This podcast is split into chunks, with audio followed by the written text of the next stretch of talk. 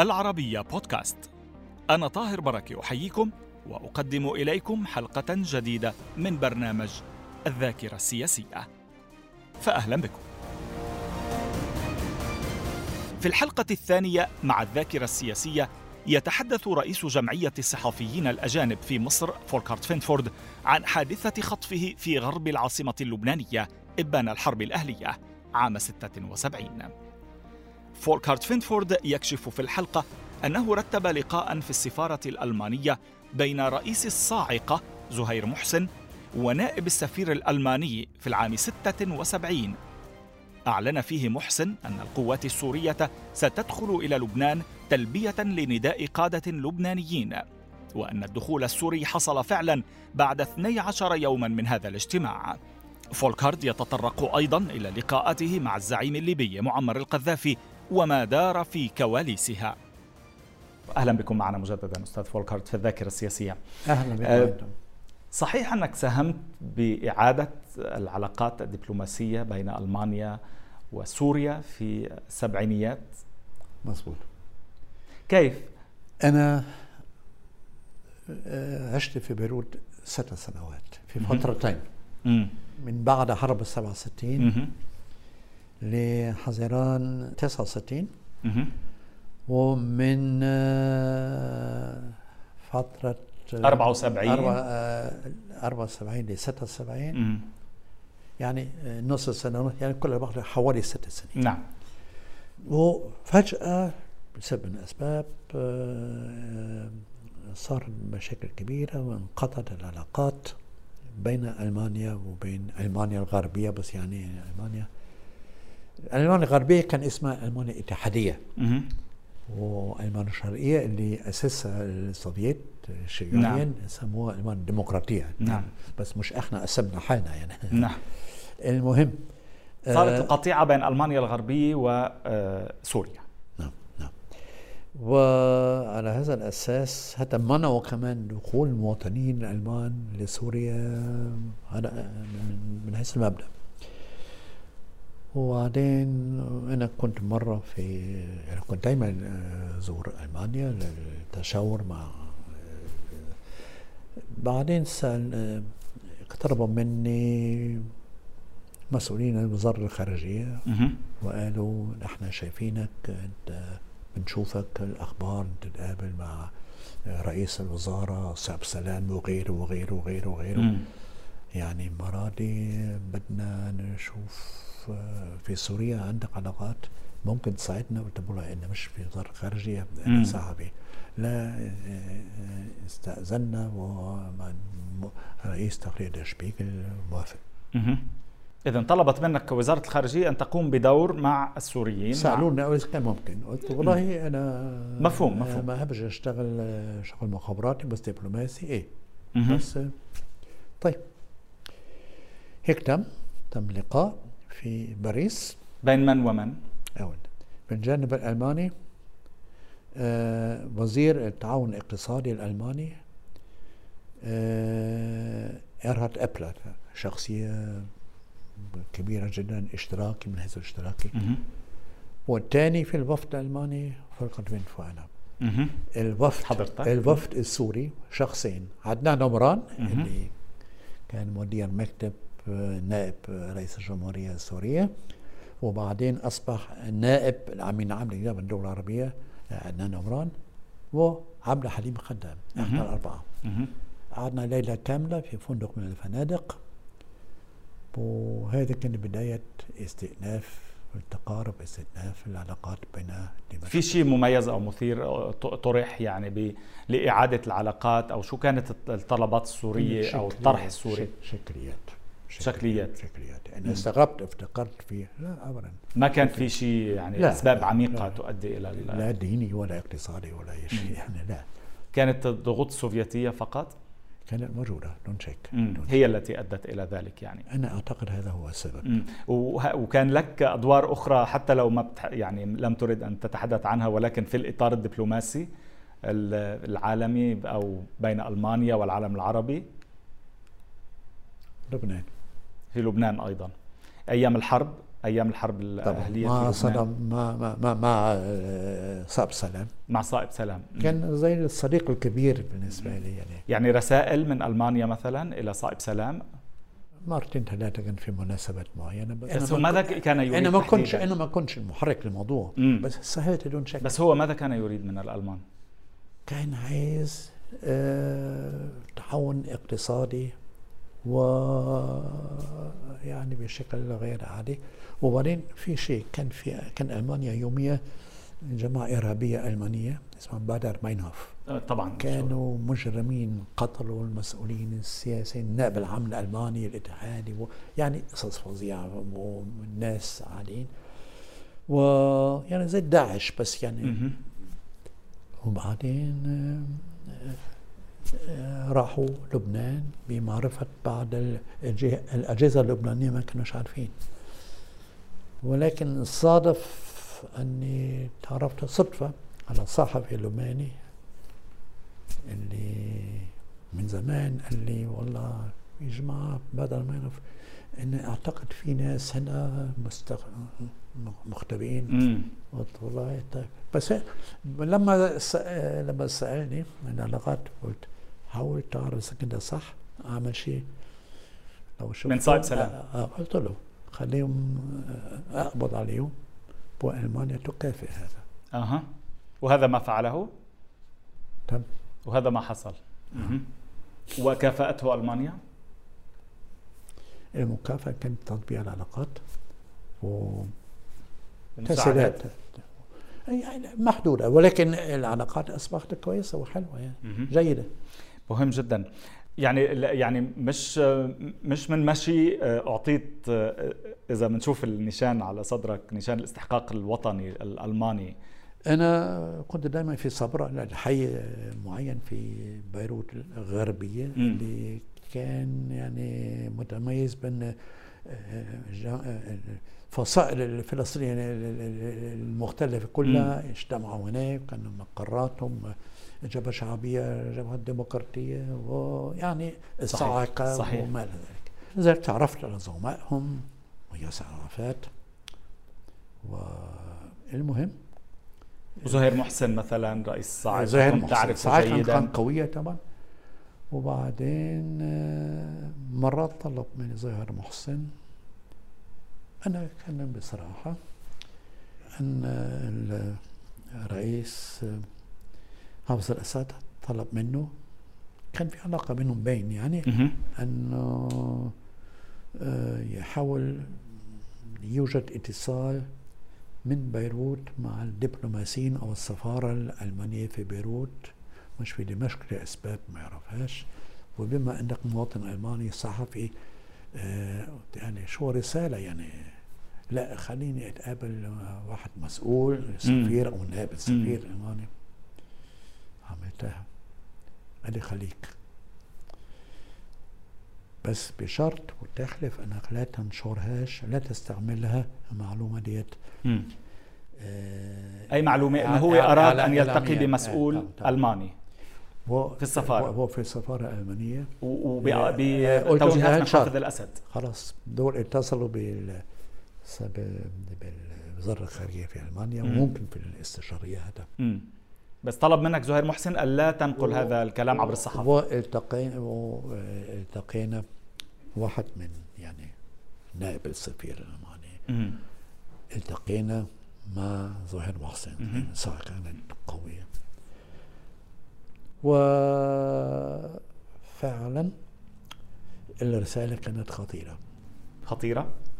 قال والله بدكم تقولوا توصلوا خبر للحكومة الألمانية الغربية أن الرئيس حافظ الأسد قرر الاستجابة لاستغاثة آه، آه، أطراف لبنانية معينة لا سيما في الأشرفية والإخراج كميل شمعون ذكر اسمه مرتين ثلاثة. وراح نلبي هذه الاستغاثة لإنهاء الحرب الأهلية في ظرف 14 يوم. قلت له بس هالخبر هالخبر لازم ننشره؟ طيب ممكن تنشره في شبيجل بس بدون ما تقول عن عن رئيس الأسد برا الموضوع. قول بس إن سوريا بدون أن تذكر ستدخل نعم. لبنان لإنهاء الحرب العاليه وإنقاذ المعاصرين. وشبيغل نشر هذا الشيء. واللي حضرتك قلت الدكتور فيلت كان 16 26 سنة رئيس قسم خرج لشبيغل لما سمع كده قال لي والله لو نشرنا هذا والجيش السوري ما دخلش يبقى هيطيحوا بمنصبي وبكنته وده خلاص ما تنشرش. في الآخر نشروا. نشروا. ودخلوا وبعدين دخلوا بعد 12 يوم مش 14 يوم. كمان يعني ده الخطأ. أعتقد هذا الشيء كان مهم. اختطافك في بيروت. من الذي اختطفك؟ كيف وكيف تم تحريرك؟ أنا كنت في زيارة لدمشق. بعد ما الحرب الأهلية يعني اشتعلت. وقابلت وزير الإعلام وبعض المسؤولين في دمشق. وكان عندي سيارة ملك وسوق بنفسي. ورجعت بهذه السيارة. ولما وصلت طريق الشام يعني قريب أنا اقتربت من بيروت آه لقيت في نقاط تفتيش ما كانش موجودة قبل السفر بحوالي ثلاث أربع أيام مش أكثر من هيك. لقيت الجو تغير شوي بعدين لما وصلت آه يعني طريق الشام أوله كان في حاجز جيش وقالوا لي والله ننصحك ما تكفيش وين بدك تروح؟ والله عندي بدي أشوف واحد زميل لي في المزرعه. طلبوا منك أن تغير الطريق. لا لا لا آه تروح على اليمين تكسر اليمين اشرفيه و... آه الدكوينة. قلت له لا ليه؟ في شيء؟ قال لي والله في شباب يعني غير منتظمين بيعملوا مشاكل. اما ما سمعتش كلامي وفعلا لقيت المرور تقريبا مقطوع بس في سيارات قليلة أنا مشيت برضه. وفجأة لما وصلت قبر البربير آه في شبان يعني مش عارف أعمارهم 16 17 18 19 سنة وقفوا قدام السيارة وأنا كلاشن آه مش لعب قلت إيه الموضوع؟ وقفت. شو بدكم؟ لا شو رأيك؟ مش عارف إيه. أنت ألماني بتقول؟ آه نعم إيه بس بتكلم باللهجه المصرية دي. لا لا خالص من قلت وين؟ جاي من دمشق. من دمشق. طيب ولو شو؟ لا دمشق ضد الفلسطين شوف ما تناقشونيش بالسياسات أنا صحفي في آخر الأموال اوراقي من اعتمادي من البضار بعدين تغيرت اللهجه أنت عدو وبالكاشن دخلوا. روح كذا وواحد حط مسدس. أنا إيه الموضوع وحوالي 300 400 متر يعني بعد بريرة على الشمال تطلع لفوق تعرف المنطقة؟ نعم صحيح. دخلنا في في عمارتين ثلاثة جنب بعض وفي حوش كبير وعمارات تانية خرجوني من هناك وبدأوا يضربوني يعني في وجهي حتى وبطني و لمن كانوا تابعين؟ يعني بقول لك أنصار سموا نفسهم أنصار الثورة الفلسطينية مم. بس مش مش مش منظمة مش منتظمة ولا منظمة شيء غريب يعني. كلهم شبان شبان صغار. المهم المرابطون كان لهم علاقة فيهم؟ بعدين يعني كان واضح يعني كان, كان واضح إنه من إبراهيم كثير إبراهيم قليلات طبعا. يعني. آه بس ما ما كانش في مش مدعومين من مثلا فصيل معين فلسطيني. مش. آه أنا أقول لحضرتك طالب باعتقالك شخصيا أو تعالوا الدور الثالث. ولقيت شقة شبه فاضية بس في شوية مكتب ما أعرف شو وكراسي بس شيء محمل. وفي ناس أكبر شوية سنا وعملوا عملية استجواب و رجل شاب صغير كده ضربني ركبي مش بهالطريقه إيه أخويا خيي مات البارحه الكتايب بعته صاروخ ومات فيه. مش أنا الألماني بعت الصاروخ هاي دي حربكم أنتم مش حرب ألمانيا ولا حرب النرويج. ضايقوا من كلامي. بعدين قلت على اي حال أقول لكم حاجة. أنتم بتحبوا فلسطين. مش أنتم بتقولوا انصار مش من حقك تسأل نحن لا عايز أقول حاجة. ما دام أنت بدي أقول شيء ما دام أنتم انصار ثوره فلسطينية أقول لكم شيء. في شخصية فلسطينية مهمة وقوية. زياد محسن إيه شو قصدك؟ زياد محسن لا أنت ولا, ولا بيسلم عليك. عندي رقم تليفون شخصي تفضل. كيف حالك؟ اسأله شو؟ راح يقول لك مين أنا. المهم بعد ما حد من شوبان تشكك في الأمر من الكبار قصدي. شوف هذا المسدس كان مطعم بالعاج يعني الحريمي يعني على ما أظن. لقيناه في سيارة. شوف أنا عمري في حياتي ما مسكت مسدس. لو مسدس مش مسدس نسائي على ما أظن. عيب. وضربني تاني. بس كنت على الأرض. بعدين بخرج قلت رقم مسعود زي محسن الخط مباشر. بعدين صار في معركة بينهم. الشبان دول الكبار ما اعرف شو ما فهمتش كلها راحوا الغرفة الكبيرة شوية أعتقد ضربوا بعض سمعت شيء انكسر. بعدين اجى واحد وعنده مسدس قال خلاص. وقال لي ثلاثة من عمره برضه نخلص منه من هذا الخائن الآن؟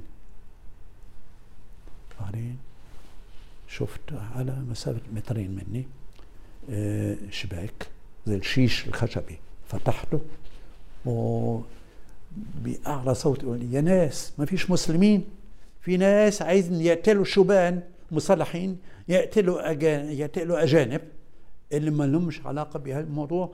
تعالوا تعالوا بدكم آه، جرائم تصير؟ أنا من أنصار الثورة الفلسطينية من لبنان ومن العرب كلهم. ولا بيسمعوا هالشبان وفعلا ما فيش. كان في ناس كثيرة مرة تانية. ما فيش ثلاث أربع دقايق. عدد من الناس طلعوا السجن طلعوا السلم اقتحموا الباب على طول بشكل عنيف. ما كنتش اتصور بس أنا قلت خلاص. انتهت. علي وعلى أعدائي.